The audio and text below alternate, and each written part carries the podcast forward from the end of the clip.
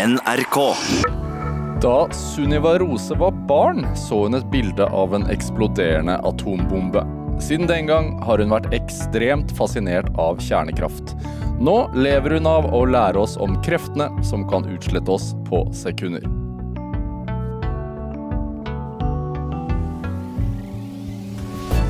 Dette er Drivkraft med Vegard Larsen i NRK P2. Sunniva Rose, velkommen til Drivkraft. Tusen takk. Altså, her sitter vi nå, to mennesker i et radiostudio, og vi sender ut stråling begge to. Det gjør vi. Ja, Vi sender jo ut mye forskjellig stråling, men blant annet eh, Jeg tenker du er nok inne på denne radioaktiviteten som vi også har i oss, og dermed sender ut. Vi sender ut varmestråling og sånn også, da. Men, eh, men ja, vi er jo radioaktive, vi, eh, vi mennesker. Så hvis man får et kompliment eller gir et kompliment til noen der du liksom sier sånn 'Å, du stråler i dag', så, så er det egentlig ikke noe kompliment, det er bare fakta. Ja, Det er egentlig bare en faktaopplysning. Du stråler, Det er masse forskjellig stråling. Altså, her er det infrarødstråling, og det er stråling, altså ioniserende stråling fra radioaktivitet, og det er UV-stråling. Ikke sant? Det er mye, det er mye forskjellig. Vi sitter altså inni dette studioet her, hva, er det noe vi burde vært litt sånn engstelige for, tenker du? Nei. Nei? Nei. Eh, Kanskje den lampen skal falle ned, men den treffer ikke oss i hodet, så nei, det er greit. Nei, men er, er det sånn, altså eh, som, eh, som kjernefysiker som du er, altså at du går rundt og tenker på dette her? Altså der er det radioaktiv stråling, der er det energistråling og varmestråling. Eh, alle er vi egentlig bare atomer med tomrom inni seg. Altså Går du og tenker på disse tingene til daglig? Ikke hele tiden, men ja, jeg tenker mye på de tingene. Jeg tror kanskje at eh, alle som har drevet med forskning på et eller altså på en måte, Hvis du er så nerd at du velger å ta en doktorgrad, og på en måte, og eventuelt videre på det også, så er du jo ekstremt opptatt av en eller annen bitte, bitte liten del av et fagfelt. Og det er klart at da er det Du kan ikke fake det, tror jeg.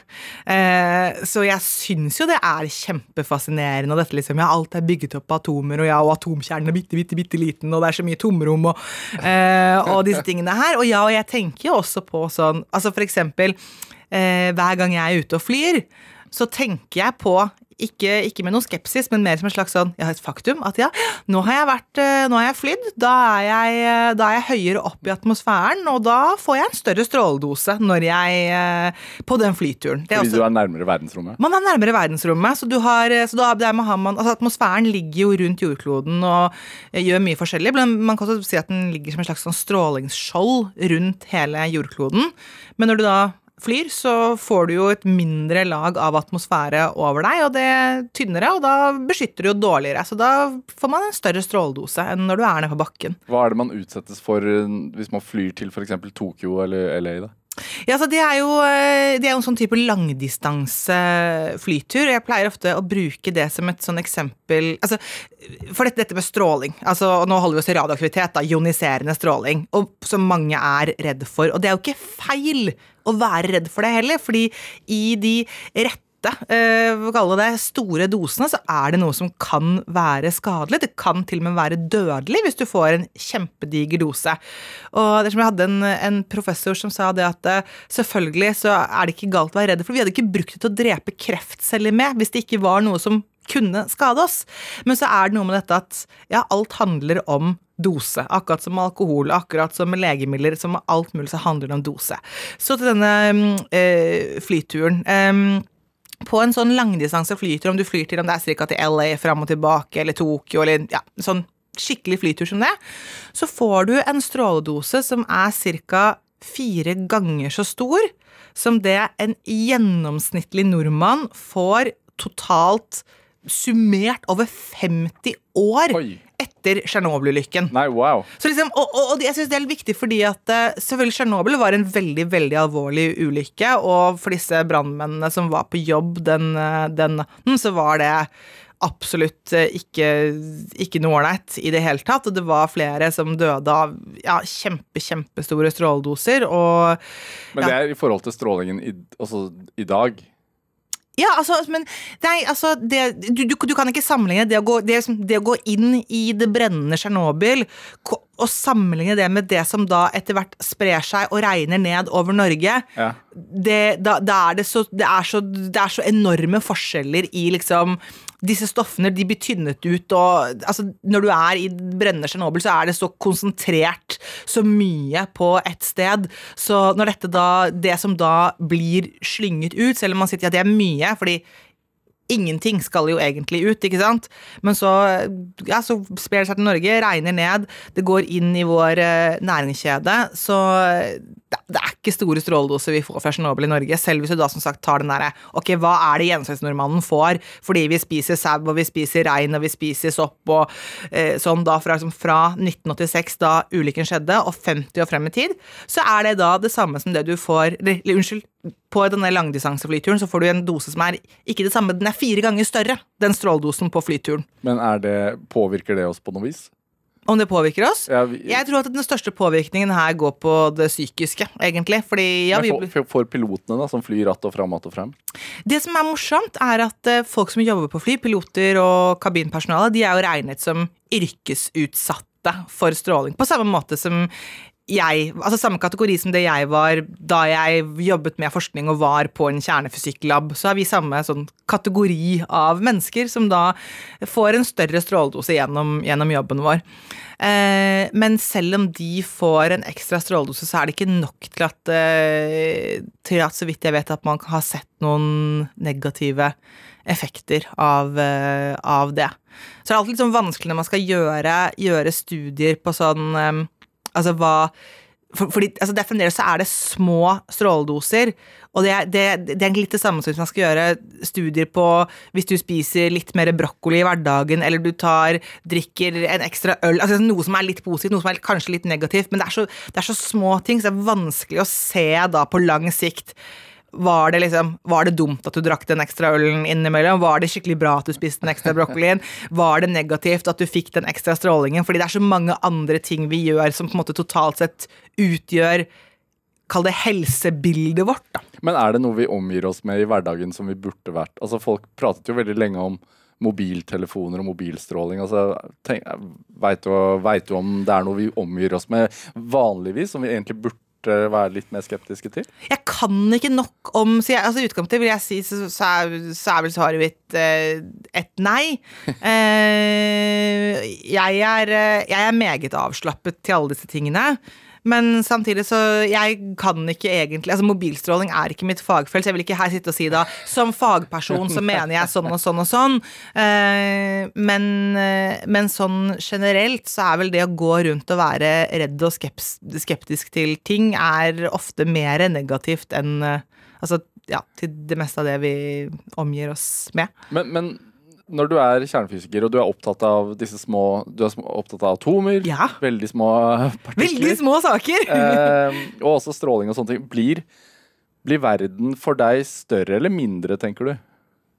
Hvordan tenker du på um, Nei, for hvis, man, hvis jeg ser en, en kopp, da så tenker jeg det er en kopp. Men du tenker kanskje at den er satt sammen av Jeg tror, kanskje, jeg tror kanskje verden blir større, fordi jeg ser jo også at er en, jeg tenker på det som en kopp.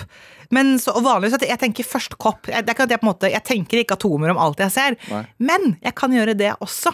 Og dette her er jo noe jeg deler, altså en sånn deler en interesse og en lidenskap med mannen min, som også er, er fysiker. Ikke kjernefysiker, men han har jobbet med, han har jobbet med atomer. og Det er jo mye, mye større. Men, men altså det at, at vi både kan liksom se eh, ja, se den koppen, men også si oi, her er det mye Her er det silisiumatomer, og tenk hvordan de bygger seg sammen, og altså, men, altså, men, men, jeg tenker Jeg tror når, du ser eh, når vi begynner å se det, Nå går det jo det er, det er høst, det går mot vinter.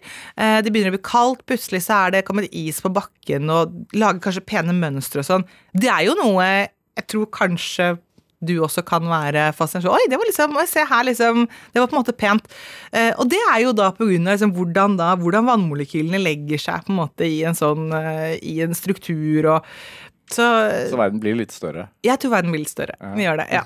Men at vi også da ting, kan tenke de tingene om, ja, om koppen og, og glasset Altså vindusglasset og sånn. verden blir større. Mm. Eh, jeg sa jo i innledningen her at du veldig tidlig ble fascinert av et foto av en atombombe. Antakeligvis en sånn soppsky. Det, da. Mm. Ja. Hva, Det klassiske bildet. hva var det som var så fascinerende med det? Dette er en historie som går tilbake til Jeg pleide å være på biblioteket Eller altså bestemoren min, hun var bibliotekar eh, og jobbet på Lørenskog bibliotek. Og, og da var det jo sånn at eh, jeg tror det var hver tredje lørdag i måneden, eller hver tredje lørdag, så, så hadde hun jobbehelg. Og da, da hadde jeg sånn fast rituale med morfaren min, som da først, eh, først så kom han og hentet meg tidlig på morgenen hjemme, og så dro vi på kino, og så jeg så Disney-film og spiste hver kjempestor pose med godteri og sånn. Og så, når han var litt lei av det og det liksom var ferdig, så kjørte han meg til biblioteket på Lørenskog, og så var jeg der sammen med bestemoren min. Og så, og der, så der gikk jeg rundt og hjalp til å kjøre på plass bøker og mm, Så jeg, jeg gjorde jo litt nytte for meg, men kunne jo selvfølgelig hver gang jeg fant en bok som var så spennende, så satt jeg og selvfølgelig bare bladde i den i en sånne store saccosekker og Ofte er det dessverre altfor få barn som antageligvis gjør det i dag. ja, antageligvis, for det, dette var helt sånn fantastisk, det å liksom være der i timevis. For da skulle jeg være der helt til hun var ferdig på jobb. Det var liksom, det var vårt lørdagsrituale. Og um, ble flink til å være stille, da. Du ble flink til å være stille. jeg tror kanskje jeg var flink til å være stille fra før. Jeg tror jeg var litt sånn som barn. Det, men, men, men ja, selvfølgelig. Så, så der så jeg fikk, fikk, ble liksom da eksponert for veldig, veldig mye bøker. Og så var det en lørdag hvor jeg ikke var sånn bitte liten lenger. Jeg hadde på en måte forvillet meg. For Sånn, jeg husker det, At jeg på en måte hadde kommet meg ned i underetasjen. Det var ungdomsavdelingen. Og der fant jeg en da sånn type sånn storbarnbok hvor handlingen var da lagt til Japan og 1945 og bombingen av Hiroshima og Nagasaki. Og det var der jeg så dette for første gang, i hvert fall som jeg kan huske, at jeg så et bilde av ja, en sånn atomsoppsky. Eh, og leste, og ble jo selvfølgelig like skremt som det alle blir når de, når de leser eller hører om, om disse hendelsene, bombingen av disse byene. Og, og selvfølgelig dette med liksom at først så kom disse voldsomme bombene, og så var det strålingen etterpå. Det var sånn usynlig fare og, og alt dette her. Akkurat uh, nøyaktig slik jeg uh, tror at de fleste vil føle når de, når de hører om dette her.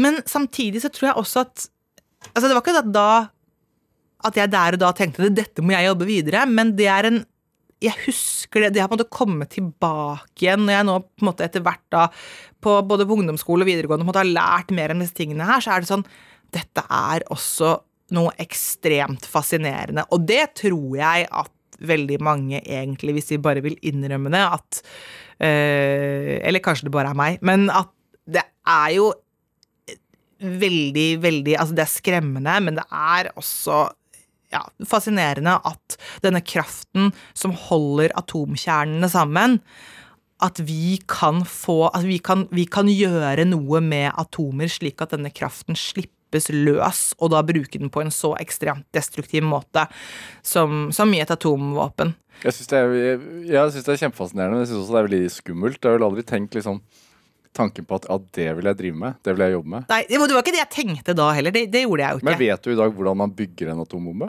Eh, nei, altså, jeg vet I ikke sånn teorien. Eh, altså, prinsippet for en atombombe er egentlig ganske enkelt. Det er på en måte, Prinsippet for en atombombe er enklere enn et kjernekraftverk, vil jeg faktisk eh, påstå. Eh, Det du trenger for eh, enkleste for å bygge en atombombe, er at du trenger eh, nok spaltbart materiale, sånn, altså fissilt materiale.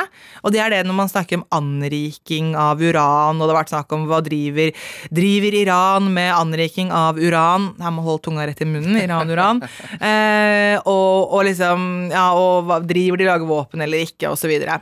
Men hvis du har eh, da har da nok sånn høyanriket uran, som det heter. Så du må, du må både ha det at det må være anriket til eh, liksom riktig prosent. Eh, og så må du ha nok av det, mange kilo. Hvis du har to sånne klumper med, med høyanriket uran, så er prinsippet så enkelt at hvis du smeller de to sammen, så vil du faktisk sette i gang en kjedereaksjon der, der veldig, veldig mange atomer begynner å spaltes. Men det, måtte, heldigvis er det et men. det er, ja, For det første så er det ikke så enkelt å få det materialet, da. Det er nå én ting. Det er ikke liksom, det er ikke bare Filmer så selges det veldig ofte på svartebørsen. ja, ja, ja, jeg tror ikke det er eh, det, det å få nok av dette her er Det er ikke, det er ikke enkelt, altså. Eh, For det kreves enormt Altså, det å anrike uran opp til sånn type våpen eh, Våpenkvalitet. Det krever enormt mye energi. Det krever store, store anlegg. Det er ikke noe liksom, noen bare kan gjøre i kjelleren på lite, en liten lab. Det, det, det går ikke. Det er veldig godt å vite. Ja, ja det, er helt, det er helt greit uh, at, det, at det ikke går an. Men, men, det som, altså, men det er et annet men også, og det er at uh, du, hvis man tar to sånne klumper, da, uh, og du på en måte så La oss si at jeg var sånn Jeg var en martyr, og jeg, nå skal jeg bare være en levende atombombe selv, så jeg smeller disse klumpene sammen. Det som ville skjedd da, er at de klumpene, når da Der hvor de møtes, så begynner du da å få masse reaksjoner som, som skjer, men det frigjøres jo kraft, og da vil de klumpene bare kastes fra hverandre igjen. Så du får jo ikke ut den energien. Så noe av det som er vanskelig, er rett og slett å få disse klumpene til å holde seg sammen lenge nok til at du får ut all den energien som du vil ha ut, som nettopp er det som virkelig er skummelt med en atombombe, fordi det er så, det er så voldsomme krefter eh, som, som frigjøres. Det er veldig fascinerende at det er så små partikler som kan skape så store krefter. Men, og, og, det, og, det, jeg syns er fascinerende med det igjen, fordi kjernekraften er jo da den kraften som holder atomkjernene sammen, og det gjelder jo for alle atomkjerner, absolutt alt vi består av, så er det kjernekraften som holder atomkjernen på plass. Og det sier litt om liksom hvor ja, når den kraften må være Den må være så kraftig. Det er den sterkeste kraften vi kjenner til. Som betyr at, hvor, at atomkjernene vil egentlig ikke være sammen. De ville helst bare vært en sånn suppe av partikler med protoner og nøytroner som bare fløt rundt i en suppe. Men så hadde vi ikke hatt kjernekraften, så hadde vi ikke fått atomkjerner og ikke atomer eller molekyler eller Noen ting. noen ting i det hele tatt. Det har bare vært suppe. Dette er Drivkraft med Vegard Larsen i NRK P2. Og i dag har vi kjernefysiker Sunniva, Sunniva Rose her i Drivkraft. Eh, Vi har pratet om atombomben. Yes. Begynt med et lett tema. Ja, ja. Hyggelig tema. Du, eh, du har skrevet doktorgrad også om kjernekraft, eh, og, og yrket ditt har blitt veldig vesentlig den siste tida, syns jeg. Fordi i mai så hadde den store HBO-serien Tsjernobyl premiere eh, og fått masse omtale. Handler jo selvfølgelig om Tsjernobyl-ulykken. Og, og nærmest samtidig, eller i hele vår, så fikk eh, husstandene i landet et brev i posten om å gå til anskaffelse av jodtabletter i tilfelle atomulykker. eller lignende. Så det er liksom ikke sånn veldig positiv reklame for faget ditt. Nei, det, det er det jo ikke. Nå må jeg bare si, altså jeg eh, Jeg har jo slukt eh, Tsjernobyl-serien på HBO. og Syns det er en fantastisk godt laget, eh, laget serie. Så det Overbevisende. eh, Altså, ja, overbevisende er den jo selvfølgelig. Altså, det er jo en Troverdig. Altså, du følte at den var tro mot det som skjedde. Ja, problemet med den Eller altså Saken at det er jo ikke en dokumentar, ikke sant? Det er en, det er en, en serie. Men det er en serie som tar veldig utgangspunkt i, i, i mennesker som opplevde eh, ulykken, og deres opplevelse av det som skjedde. Men deres opplevelse av hva som skjer, er ikke nødvendigvis da på en måte du, fa, kall, det faglig riktig. Fordi du kan oppleve at noe er veldig veldig skummelt, du er redd for et eller annet, og du føler at du er i livsfare. Det betyr ikke at du egentlig var i livsfare, hvis jeg kan si det sånn som det. Um, og det er på en måte det som blir litt problematisk med den, fordi at den er så godt laget, og den handler jo om noe som da som skjedde, og, og det beskrives jo veldig riktig, men så er det en del ting som egentlig da er ja, hvordan folk da opplevde at, at det var, som da på en måte Når folk nå ser serien, tenker de at å ja, dette var så farlig. Det var kanskje ikke så farlig, alt som skjedde. Det er litt sånn generell um, Den scenen jeg husker best, eller som gjorde nesten sterkest inntrykk på meg, var fra første episode der folk uh, går ut i brannen for å, eller går ut i gatene for å se på brannen Ja. av verket. Ja. Eh, og de står bare og lar seg fascinere av Ja. flammene og Det blå lyset. etter, hvert det blå lyset, som jeg har hørt ikke er- var riktig i forhold til eksplosjonen eller et eller annet sånt. Men, men eh, og at myndighetene lar være å varsle. Eh, og det, det syns jeg var fascinerende. At, at eh, man kunne stå på avstand og tenke det brenner jo bare, og så visste Mm. man ikke at man eh, satte seg i livsfare egentlig av uh... Nå skal det sies at det er nok en av de tingene som er en myte, at de var i så at de, alle de døde. Det sier man jo i siste episode, men så vidt jeg har forstått det, så stemmer ikke det at alle de døde. Men jeg er likevel enig i at det er utrolig fascinerende at man velger den derre vi varsler ikke, vi later som at ting ikke har skjedd, osv. Nei, det samme så man jo, altså ingen sammenligning for øvrig, men da Notre-Dame brant i Bra Paris, Mm. så visste jo myndighetene at dette, her, her var det blygass Oh, ja. som kunne være farlig for skolen i området. Mm. De valgte å ikke varsle for å skape uro og, og redsel. Så, Altså, det, jeg tror det er vanskelig Jeg tenker at eh, jeg skal Det er veldig lett for meg og deg å sitte og se Men selvfølgelig, hvorfor, hvorfor gjør man det på den måten? ja. Samtidig så tenker jeg at eh, det er nok det derre Hvor viktig er det å unngå panikk? Jeg vet ikke hvor eh, Ja, jeg em, Men, men når vi får sånne jodtabletter eller varsler om at alle bør ha jodtabletter hjemme, da Og vi har jo ikke noe atomkraftverk i Norge lenger. Vi hadde et i Halden, men det er vel ikke operativt. Eh, Tenker du at er, bør vi gå rundt og frykte liksom, atomavfall og noe? Nei. Nei. Jeg har ikke gått til innkjøp av jodtabletter. Og jeg har eh, Og jeg har måte Og det, og det har jeg Folk under 40, altså du er jo ikke 40 ennå, men folk under 40 Nei, men jeg, jeg, er jo, jeg er både gravid og sikkert etter hvert ammende og under 40 og alt det der, så jeg er jo på en måte av de som Burde spise som, som Eller mener ha det. Men uh, saken er Altså, jeg har, har uh, Først har jeg tenkt på dette selv. Tenkt sånn Hva er det dette her kommer av? Hvor, fordi det man må spørre seg da, er Ok, gitt at det skjedde en ulykke Fordi det, det stemmer helt til at eh, ved en ulykke fra et kjernekraftverk, en, en alvorlig ulykke, så vil det kunne bli utslipp av radioaktivt jod. Og radioaktivt jod, eh, det, er, eh, det kan være skadelig for skjoldbruskkjertel. Og det kan gi kreft i skjoldbruskkjertelen. Og måten man beskytter seg mot radioaktivt jod, det er ved da ikke radioaktivt jod, som da er et sporstoff, altså som, som vi får i kosten. Det, det er i, i melkeprodukter, det er i hvit fisk, eh, litt diverse. Så det, det er en ting som, vi, som kroppen trenger, og, Og som, og som denne kjertelen fyller opp. Ja, Så, så etter 40 så har man ikke behov for disse tablettene lenger. Ja, det er, jeg, jeg, nå, du er ikke helt sikker på om det, er, om det er det som er at man ikke trenger det til 40, eller om det heller er sannsynligheten for å få kreft er lavere, eller at, ikke at den er lavere Nei, hvorfor man ikke trenger det til 40, det, det tør jeg ikke uttale meg om her og nå. Nei. Men, eh, men generelt er det selvfølgelig på en måte når man er i vekst og sånn, så er man jo mer utsatt for eh, da, altså skal, da skal du helst leve et langt liv, så du vil jo på en måte gjøre mest mulig for at du skal kunne leve det lange livet. Men, eh, men så har jeg prøvd å tenke på, ok, altså hvis det skjedde en ulykke, hvordan skal dette radioaktive jodet komme inn da i, på en måte, i, i kosthold, slik, slik at jeg For jeg må spise et eller annet, eller jeg må få det inn i kroppen på et eller annet vis. Og Det så holder jeg ikke at det regner. Nei, altså det, det må jo da det regner, og, og, så, og, og så blir det typisk da, eksempel, jeg sa det finnes i melkeprodukter, så, så et sted hvor du typisk kan få jod fra, både radioaktivt og ikke radioaktivt, er jo da fra melk, så da må jo kuene da spise gresset hvor det har regnet ned radioaktivt jod, og så må jeg da drikke den melka. Eller kantarellene som folk plukker nå om dagen. Ja, men det er ikke så mye jod, det er ikke noe særlig jod i, eh, i kantarellene, så de, eh, det, er, det, er liksom, det, er, det er mer melka. Ja.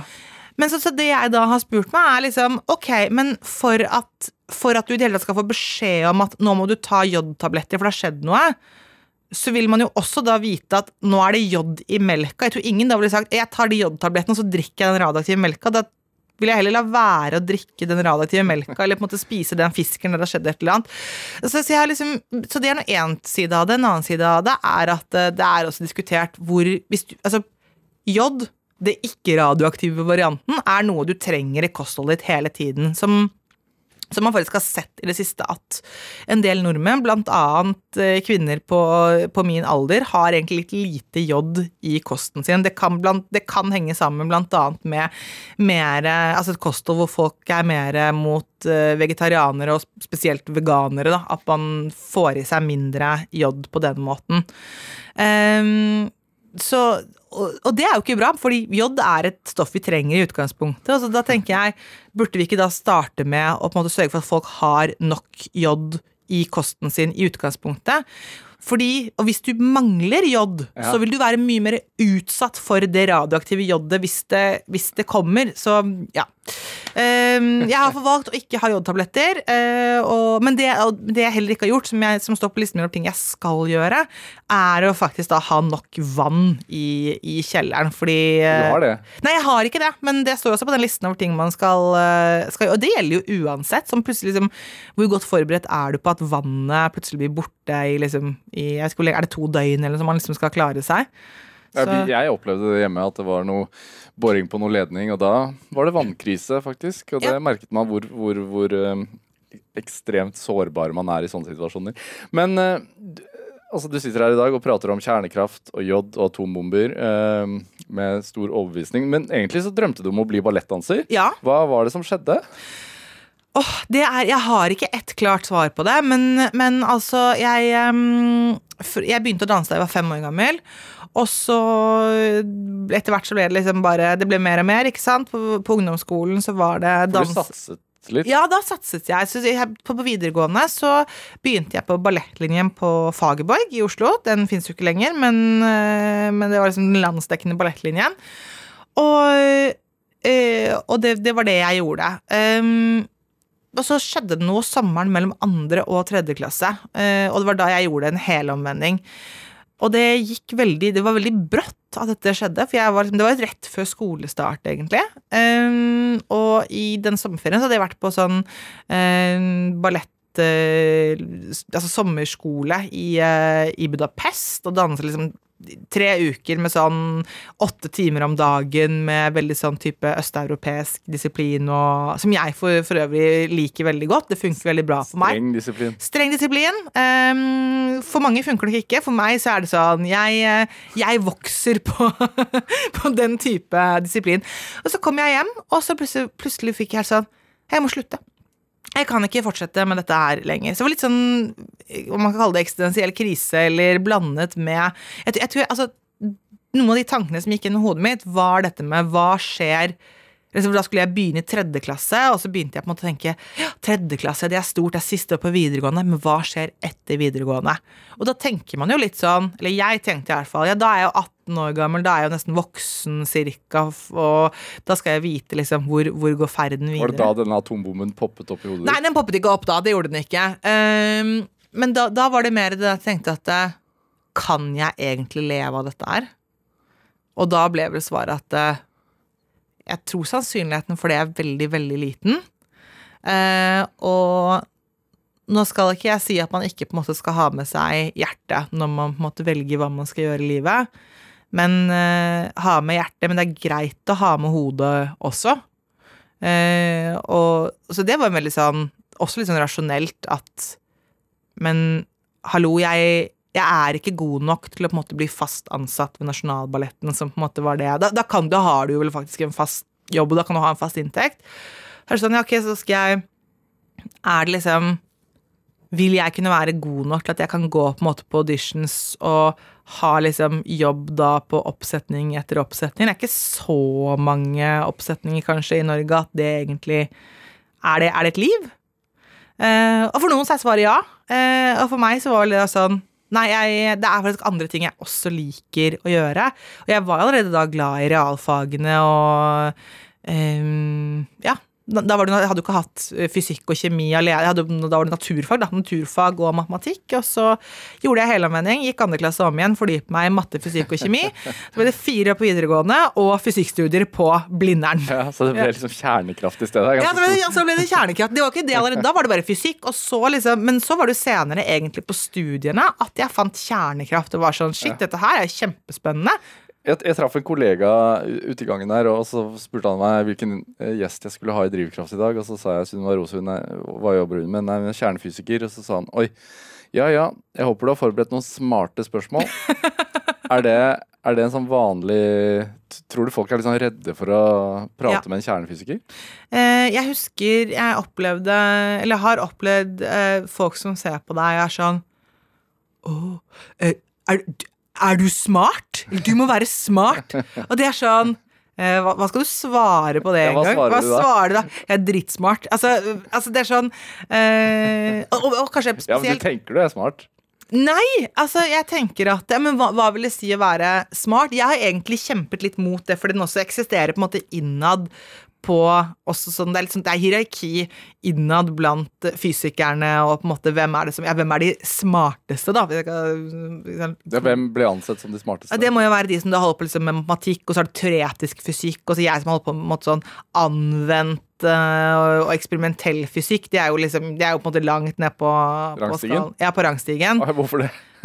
Nei, for det er jo på en måte ikke så vanskelig, da, liksom, som, uh, som det som er sånn rent matematisk, teoretisk fysikk, hvor man tenker mye og Ja.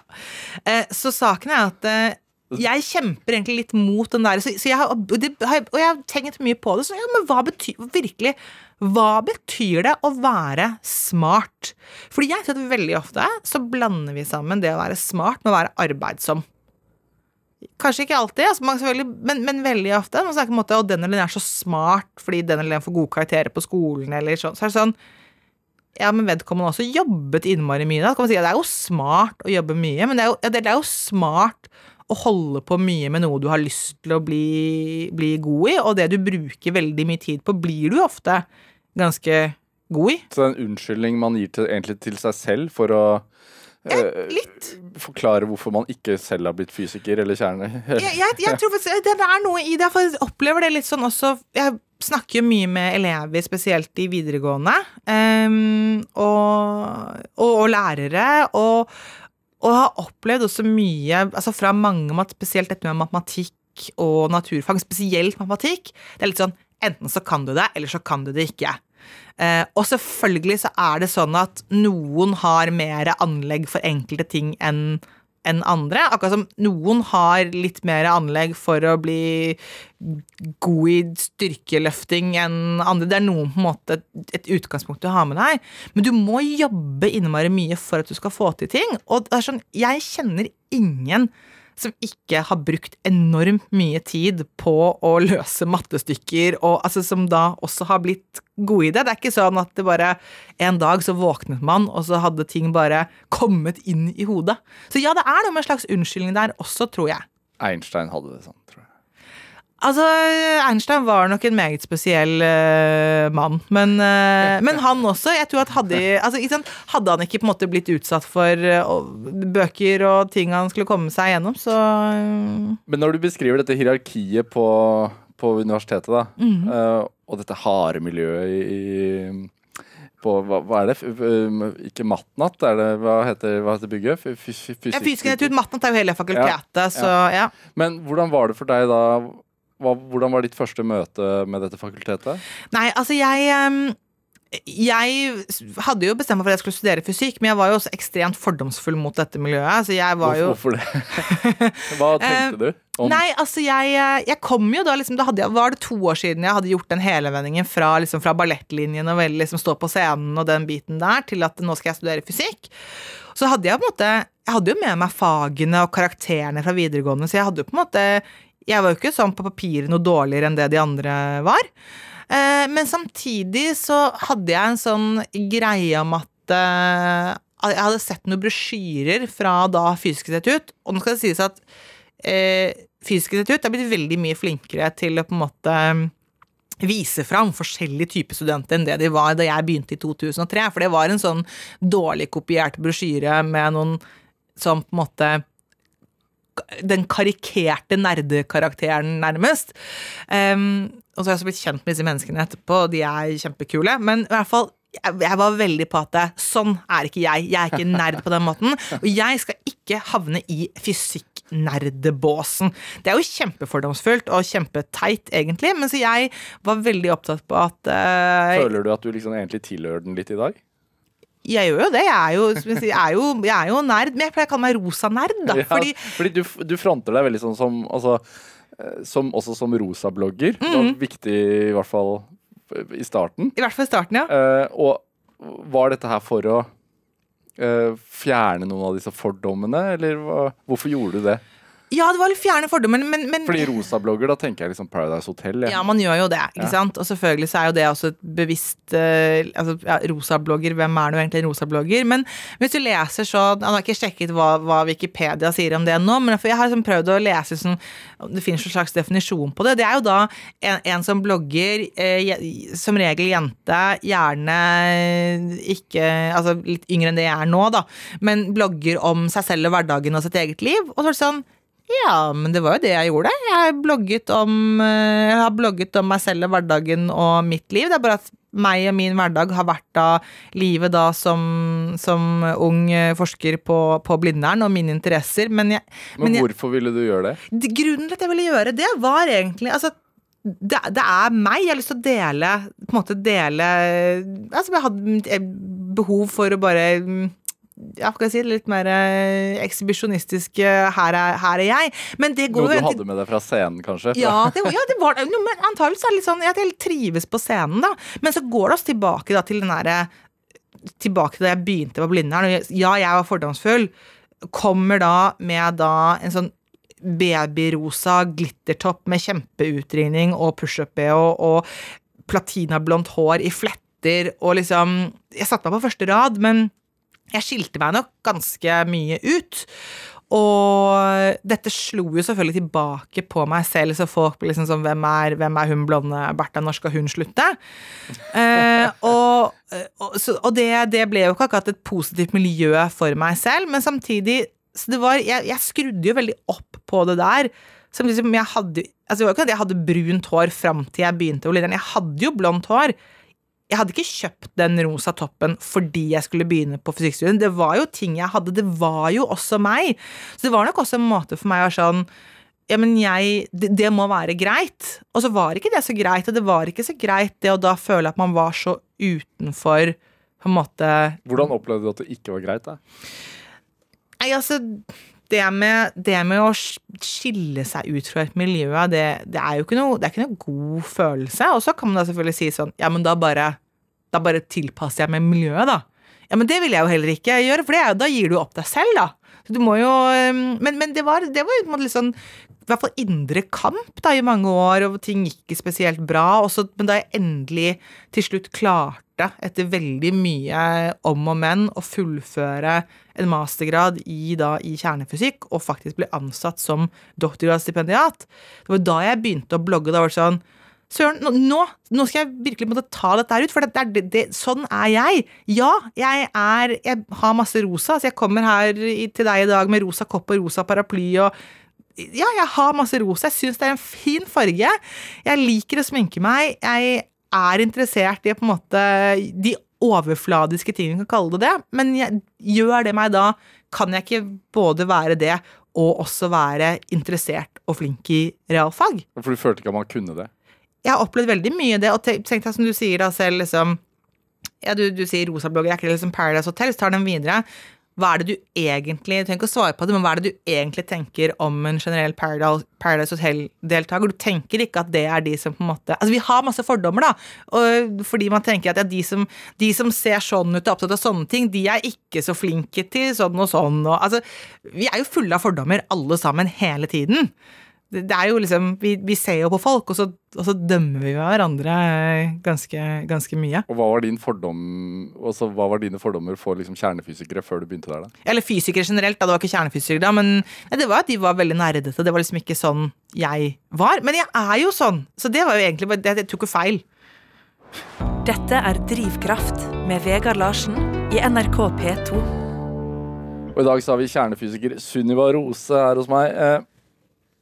Eh, du har jobbet litt sånn for å folkeliggjøre kjernefysikk. kjernefysikk. Hvorfor eh, har det vært viktig for deg? Da jeg var helt nyansatt som, som doktorgradsstipendiat, og ung, helt ung forsker eh, i kjernefysikk på universitetet, så det var eh, Eller jeg hadde vært ansatt et halvt år, og da skjedde Fukushima-ulykken i, eh, i Japan. Og da da havnet jeg på en sånn eh, UiO sin liste eh, som de eh, laget for journalister, hvor man kunne ta kontakt med folk som kunne noe om forskjellige fagfelter som var relevante til ulykken. Så det var alt fra historikere og altså, måte, her, japansk historie, japansk kultur, samfunn, til da selvfølgelig stråling, kjernekraft. Alt man måtte lure på. Alt man måtte lure på som hadde med det å gjøre. Og Ja. der havnet jeg på liksom, Sunniva kan om kjernekraft og stråling. Og da begynte telefonen å ringe. Eh, og da kjente jeg veldig Jeg kunne godt latt være å ta den telefonen. Det er, eh, jeg ville, ingen ville blitt sinte på meg om jeg bare hadde vært sånn Dette er ikke mitt problem. Eh, dessverre. Det burde ikke være sånn, mener jeg. med at det burde definitivt være helt klart at selvsagt når det, de fagfeltene man jobber med, når det plutselig er viktig for samfunnet på et eller annet vis, så skal man på en måte Da er det ikke greit å bare ikke ta telefonen. Men iallfall, jeg tok telefonen eh, og begynte å snakke med journalister, og det mm, ballet ganske raskt på seg. Både for at jeg da kjente, skjønte Men var det viktig for deg at, at du at du hadde et, et ønske om å formidle det på en liksom forståelig måte? Ja. Eller sånn. Hvorfor tenker du at det er viktig at folk forstår dette her? Altså, Hvorfor er det viktig at vi bryr oss om kjernekraft? Jeg tror det er viktig at folk altså jeg, jeg tenker det, det går ikke bare på kjernekraft, det går helt, mer helt generelt at eh, At ting man ikke forstår, er det veldig rett, lett å bli redd for. Eh, og så kan det fort høres arrogant ut. som at Hvis man er redd for noe, så er det bare for at du skjønner det ikke. og Det er ikke det jeg mener. fordi det er klart Man kan forstå ting og likevel være redd for et eller annet. Men veldig mye Hvis du ikke forstår noe i det hele tatt, så er det veldig lett å være redd for, for noe. Og det å gå rundt og være redd syns jeg er dumt uansett. I hvert fall hvis man er redd for noe man ikke trenger å være redd for. Og det er bare for å ta et annet eksempel før jeg går tilbake til kjernekraft, så tenker jeg at eh, foreldre som er vaksineskeptikere for eksempel, og velger å ikke vaksinere barna sine. Det er jo ikke for at de sitter og er slemme, onde mennesker som tenker at jeg skal plage barnet mitt. De er jo, de er jo redd for at hvis de vaksinerer barna sine, så utsetter de barna sine for fare. Så, så det, er, det, er, det er det jeg mener. Og der så er det på en måte, men da er det faktisk en del ting man ikke har forstått om hvordan vaksiner fungerer osv. Så, videre. så det er bare for å bare ta en annen, annen sammenligning der. Men, men det jeg skjønte, var at veldig mange var veldig redde.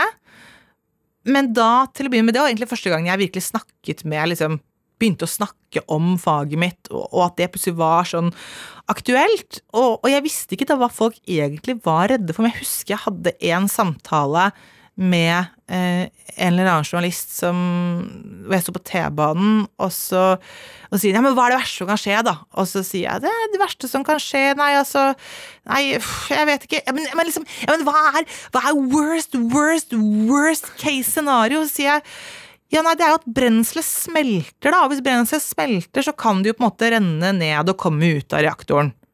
Og da var hun sånn så, Og da skjønte jeg at det hun på en måte egentlig lette etter, var jo at eh, Nei, altså hvis vi ikke på en måte klarer å ta kontroll på dette, så eksploderer jo alt sammen, og da er det Hiroshima all over. Altså, jeg tror det var, det var liksom dit Det var det hun egentlig lette etter, tror jeg. For jeg, jeg tror- trodde at Fukushima kunne bli en ja, altså, liksom? ja, ja, det, det var noe sånt noe, for det var liksom sånn Men hva er worst, worst, worst case? Det var sånn nei, Det smelter, og det er jo veldig alvorlig, det, det er det, men, men det, det var en litt sånn aha-opplevelse, og da begynte jeg egentlig også på en måte jeg, Kanskje stille en del spørsmål tilbake, og jeg synes det er utrolig viktig å å ha en dialog med folk. Da liksom skjønner jeg, men hva, ok, hva vet du om dette, hva, hva tenker du, hva, hva føler du, rett og slett, rundt disse tingene her? Og så, og så fant jeg ut, men det funker ikke bare å si, ja, men det er ikke farlig. Fordi det, jeg tror aldri det har funket å si til noen, da, bli, da blir det ofte bare oppfattet som arrogant, og at ja, men du skjønner ikke liksom, ja, du kan ikke bare si at det ikke er farlig, ikke sant? Så da begynte jeg egentlig å snakke om måtte, ja, hva er det, ja, hva er, hva er stråling? Hvordan påvirker det kroppen vår? Og og da jeg også kommet med disse på måte, eksemplene på at vi faktisk er utsatt for stråling hele tiden. fordi hvis vi bare sier en eller annen stråledose, sier eh, fem millisievert, så er det sånn, ja, men det sier jo ikke deg noe. Eller 5000 becquerel, så er det sånn, men du må, jo, du må jo ha det å sammenligne med et eller annet. Og 5000 becquerel er for så vidt da den radioaktiviteten du som voksent menneske har hele tiden, hele livet ditt. Øh, ja, så liksom Men, men jeg føler jo også at kjernekraft er noe som tilhører litt fortiden, tenker Mm. jeg da. Er, er det riktig? Det kommer an på hvem du spør, sikkert. Ja, nå spør jeg deg, da. Ja, nå, nå spør du meg. Eh, jeg, eh, her eh, hører jeg på FNs klimapanel, som faktisk har med kjernekraft som en del av Ikke løsningen. Eh, det er ikke sånn at eh, kjernekraft er det som skal stå alene, tror, tror jeg, og liksom så skal vi ikke ha noen av de andre tingene. Men at hvis vi skal klare å nå disse målene, enten det er 1,5-gradersmålet, eller som ganske mange tror at vi ikke når, men vi får prøve da, om det blir 2-gradersmål eller hva det blir, så trenger vi også kjernekraft i energimiksen. Så vi trenger fornybart, absolutt. Sol og vind spesielt. Det er vel liksom spesielt trekkes fram. Og så trenger vi karbonfangst og -lagring, som betyr at uh, vi kommer ikke til, til, å begynne med til å klare oss det er, det er, ikke bare å si 'nå er det slutt på olje, slutt på kull', også, men vi må, vi må, gjøre noe med da den CO2-en som slippes ut. Mm. Uh, det burde vi ha begynt med for lenge siden. Og så trenger vi kjernekraft. Vi trenger faktisk alle sammen sammen. Også i Norge, tenker du? Eh, skal være litt forsiktig med, for det, altså, per i dag så er vel vi Vi er jo selvforsynte med vann, men så er det noe med det at eh, klimaendringer er jo ikke Du kan ikke bare si ja, nå sitter vi her i Norge, og da skal vi ikke på en måte ta, bry oss om hva som skjer rest For dette er jo globale, globale ting. Så er, vi er jo også del av et eh, del av et, eh, altså et energimarkedssystem. Mm. Så det er sånn at selv om vi produserer ca. like mye som vi bruker, så konsumerer vi ikke bare vannkraft. fordi når vi da har eh, vi, vi, altså vi, får jo også energi fra Sverige, eller vi kjøper fra dem og selger tilbake, og eh, her er nok mange detaljer jeg ikke kan, men Men tror du vi hadde hatt eh, kjernekraftverk i Norge hvis vi ikke hadde hatt olje og gass? Eh, blir ren spekulasjon, selvfølgelig, men det, det, er litt morsomt, fordi hvis vi går tilbake i historien, så var altså sånn etter krigen så var Norge det første landet i verden utenom stormaktene som faktisk bestemte seg at vi skal kjerne, vi skal ha kjernekraft og vi skal ha kjernevåpen. Så Norge har hatt et Jeg vet ikke, jeg, her kan jeg ikke alle detaljer, for dette var nok ting som var, som var hemmelig en god stund og, og sånn, men, men, Norge gikk for liksom Ok, kjernekraft er det vi trenger, faktisk. Og så har vi jo funnet både olje og, og vi hadde jo også vannkraft da, for så vidt. Men, men, eh, at kjernekraft kunne ha vært en greie i Norge, tror jeg nok definitivt at eh, ja, det kunne det ha vært. Og det, men det er jo veldig, det er, det er veldig lett å på en måte sitte litt på sin høye hest. Sånn, men vi har jo, altså vi, vi, jo, vi har jo Europas grønne batteri. Vi har jo så mye fantastisk vannkraft. Og da liksom sitte og sånn Jeg syns alle bare skal gjøre som oss. Det er, det er litt um, alle kan ikke bare gjøre som oss, fordi Men, men jeg leste at uh, Tyskland har bestemt seg innen 2022 å uh, avvikle all kjernekraftverk. Mm. Uh, men syns du fremdeles at det er en liksom, fremtidsrettet energikilde? Jeg tenker at For det er et spørsmål jeg ofte får. Er sånn, ja, men hvorfor gjør Tyskland det? Mm. Og, og, det er jo ikke egentlig et teknologisk spørsmål, det er jo et mer samfunnsvitenskapelig spørsmål. Ja, hvorfor gjør de det? Men det er jo politikk, da. Altså, Vi lever jo heldigvis i demokratier, så hvis, hvis folket ikke vil ha kjernekraft, uansett hva grunnen er, så har vi ikke kjernekraft.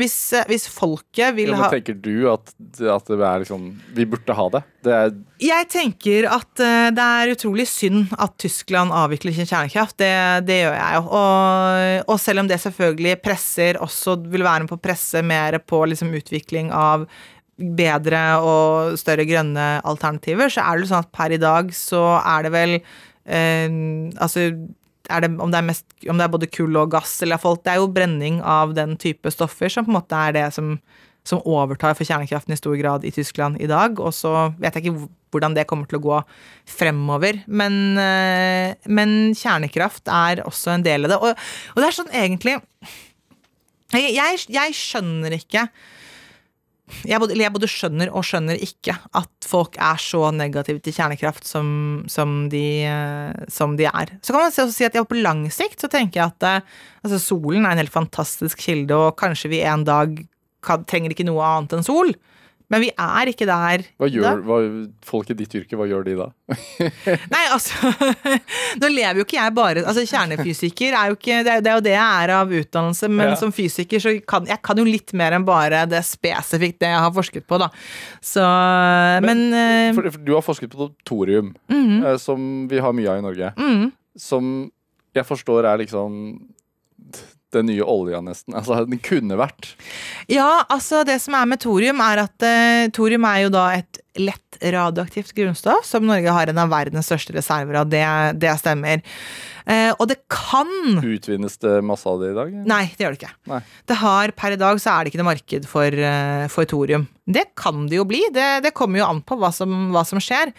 Men eh, det utvinnes ikke, ikke noe i Norge av, eh, av det, og det er fremdeles ikke noe sånt sånn kommersiell bruk av, eh, av thorium, men det kan brukes som brensel i kjernekraftverk. Og hvis man gjør det, så kan, er veldig vekt på kan, eh, kan man få veldig mye mindre radioaktivt avfall. Og det er jo en positiv, eh, positiv ting. Og det, vil si, det er det mest spennende med thorium, pluss at det også finnes mer av det enn uran. Og hvis, går, hvis, altså hvis det blir en stor utbygging av kjernekraft, så Og per i dag så har det ikke gått Det er ikke sånn at det bygges mindre kjernekraft totalt sett i verden. Det bare bygges Det som bygges, er hovedsakelig da i, eh, i Asia.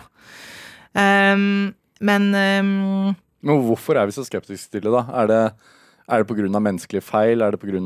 Radioaktivt avfall? Hva er det som er det kommer an på hvem du spør. Sånn at uh, Altså, ikke, ikke da uh, altså, det, Folk er skeptiske av forskjellige grunner. Mange er skeptiske av rett og slett myter og misforståelser. Og så er, men så er det noen Hva er den største myten, da? Det er en myte som, som mange tror på, er jo at de ser for seg et kjernekraftverk som en sånn, sånn tikkende atombombe, jf. denne journalisten som, som lurte på sånn worst, worst, worst case scenario. Og det er jo sånn Det er ikke fysisk mulig at et kjernekraftverk eksploderer. Men Fukushima har vel blitt ganske sånn ubeboelig i dag? Eh, Jeg er ikke helt sikker på hvor lang den radiusen rundt Fukushima er hvor det virkelig er høye strålenivåer, men, men saken er at eh, og, det, det er også et viktig poeng det du kommer med der, fordi at eh, hvis du ser på en, en, statistikk, litt sånn morbid statistikk, som måler dødsfall per terawatt-time produsert på da forskjellige energiformer, og se på hvor mange dør ved å produsere Eller kilowattimer, da, i olje. Hvor mange dør ved gass, hvor mange dør med solkraft, hvor mange dør med vind, vann, kjernekraft osv. Så, videre. så er det ingen som har lavere antall dødsfall per kilowattime enn det kjernekraft er. Det er enda lavere enn vann, faktisk. Men det er selvfølgelig man kan ikke bare se på hvor mange som dør, og sånne ting som ja, etter en alvorlig ulykke så vil det ha mye å si for et samfunn fordi at du har Ja, det er ikke bare Man skal ikke på en måte bare kimse av at folk må evakueres og flyttes vekk fra en by de har bodd i, og på en måte Det er også store konsekvenser. Man, det, er også, det er menneskelig lidelse i det også, så jeg skal ikke late som at det ikke fins. men eh, jeg er ikke helt sikker på Jeg har ikke fulgt med på Fukushima nå i det siste, på en måte hvordan er de strålenivåene egentlig? Så jeg kan ha mer sånn generelle kommentarer om Japan og hva slags nivåer de har fått etter Fukushima. Fordi det var jo da altså Det var jo den nest mest alvorlige ulykken du har hatt noen gang. Men allikevel og, og det blir sluppet ut av radioaktive stoffer, og de går jo da som sagt de går inn i næringskjeden. Så de blir jo da Det gjør at vi som bor i et samfunn, får da ekstra stråling. Altså det blir utsatt for ekstra stråling. Men, ha- eh, Men, si, for, men det som er så sprøtt, fordi Japan er et land som i utgangspunktet har ekstremt lave strålenivåer. Så, så japanerne og da snakker jeg ikke om de som, måtte, de som faktisk jobbet med opprydding på Fukushima, for de har på en måte blitt valgt ut og har sagt ok, greit, vi kan gjøre denne jobben her. Men eh, japanerne i samfunnet de fikk selv det første året etter Fukushima, da de på en måte fikk en ekstra stråledose som på en måte var noe ordentlig, så var det fremdeles lavere enn det vi får her i Norge til enhver tid, alltid gjennom hele livet. fordi her har vi et høyere strålenivå hele tiden. Og da er det sånn, og det er da man spør seg ok, hvor ille er det har vi et høyere strålenivå i Norge hele tiden? Ja, enn det vi har i Japan. Fordi Japan er, ligger litt under verdenssnittet, Norge ligger litt over verdenssnittet. Det har jo hovedsakelig å gjøre med geologi å gjøre. Så vi, her, her har vi thorium, vi har uran, der har vi radongass, også, ja. Mm, Er, kan det være grunnen til at vi har så mye kreft i Norge? vi har ikke så mye kreft i Norge. Nei, det får være en helt annen diskusjon. Det, eh, Vi lever vel veldig lenge og har det egentlig veldig bra. Det er veldig mye brystkreft, er det ikke det? Ja, det er en helt det, annen det et diskusjon. annet, det må du snakke med noen andre om. Ja, uh, Sunniva Rose, det er veldig hyggelig å ha deg her. Jeg, jeg lurer liksom på eh, hva er det som driver deg? Fordi du, Jeg merker jo et voldsomt engasjement i dette. her, Og jeg sporer litt at du blir sånn provosert ved at vi ikke har eh, kjernekraftverk. og, og sånn, men, men hva er det som driver deg? Hva er det som driver meg? Jeg, jeg syns det er veldig For så syns jeg det er noe gøy med det å ta tak i noe som liksom, hvor det er en del sånn myter. Ikke bare myter, men det, er sånn, ok, men å sette liksom Det å overraske folk litt, får, og, og, det å kunne da faktisk forklare ting på en sånn måte at man sitter igjen med litt sånn aha-opplevelse om noe man syns var, på en måte var skummelt og vanskelig. Eh, det, det driver meg. Og generelt da det å ta tak i dette handler ikke da bare om kjernekraft lenger, men det kan også være som f.eks. å lage en diskusjon rundt plast. Eh, nå er veldig mange er veldig negative til plast uansett. og det er liksom sånn, Plast er feil. Punktum. Finale. Det er liksom, det er grusomt. Eh, og da våkner på en måte fysikeren i Eller da også våkner fysikeren i meg. Så er det sånn Ok, men hva er, hva er egentlig problemet? Jo, det er et problem hvis, hvis plast kommer på avveis. plast i naturen. Det er ikke bra. For da er det helt sant. Plast bruker lang tid på, på å brytes ned, og det, er, og det er skadelig på mange forskjellige måter. Men så er spørsmålet men er plast i seg selv et veldig ille produkt. Hvis du ser på f.eks. da energien, som da man kan oversette da til CO2-utslipp, for å lage en plastpose sammenlignet med en papirpose, så papirpose eh, er verre enn plastposen. Så, så, og, det, er jo litt interessant når man, skal gjøre Men jeg skal gjøre klimavennlige valg osv. Altså, for plast er egentlig Det krever lite energi å lage plast, og plast har veldig mye Det er mange positive ting ved plast, men plast på avvei ikke bra. Men så det, ja, Kommer det mye plast på avvei i Norge? Ja, det kommer en del fra f.eks. fra fiske og sånne ting. Mye av den plasten vi gjør i havet, kommer ikke fra folks plastposer. Så man ser på ja, hva er det som skjer da, hvordan er det vi tar vare på, nei, på søppelet vårt, vi brenner det og ja. Eh, så jeg egentlig snakker masse om plast, men, men, men så, så, det å ta tak i sånn, ja, men hva, hva, er egentlig Hvordan henger ting sammen her? Og, det, og det, man ender veldig opp på et sånn ja, et, Kall det et energiregnskap, da. Ja, hva, hva er det, koster det mye energi å skape det, eller, eller ikke, og ja. Vi har vært innom akkurat det der en tidligere drivkraftprat om at vi egentlig burde hatt sånn CO2 uh, regnskap på hver, hvert produkt som ja. selges. Det burde man absolutt hatt. Og da tror, jeg, da tror jeg folk ville Hvis du hadde hatt det, så ville nok veldig mange da heller uh, heller f.eks. valgt eh, en plastflaske, så ville de brukt den veldig mange ganger. For Tenk hvor mange ganger du kan bruke en, altså en sånn vanlig, enkel brusflaske. Det holder jo enormt lenger. De, ja. Og det har kostet lite energi, og da CO2, å lagre. Hvis du da tar vare på dem, sørge for at den ikke ender på naturen. fordi du vil jo ikke være en dust som på en måte kaster fra deg ting i naturen eller i havet. Så da er vi på en måte inne på noe. Det, det, er noe som driver meg. Men, ja. men, jeg må si en annen ting også. Er fordi jeg, syn, jeg, måte, ja, jeg spiller jo på det feminine, på måte, men, men, men, det er jo meg. Jeg er jo sånn, sånn som du ser meg nå, er også sånn jeg er hjemme eh, og er sammen med venner. Og det, og det, handler jo da egentlig mer om dette med å få inn mangfold, da. Sunniva Rose, det var veldig hyggelig å ha deg her i Drivkraft. Denne timen gikk fort. Ja, har vi snakket en time allerede? Jeg, jeg kom nesten ikke til orde i dag, men det er jo veldig, veldig gøy. Veldig hyggelig å være her. Tusen takk for at du kom.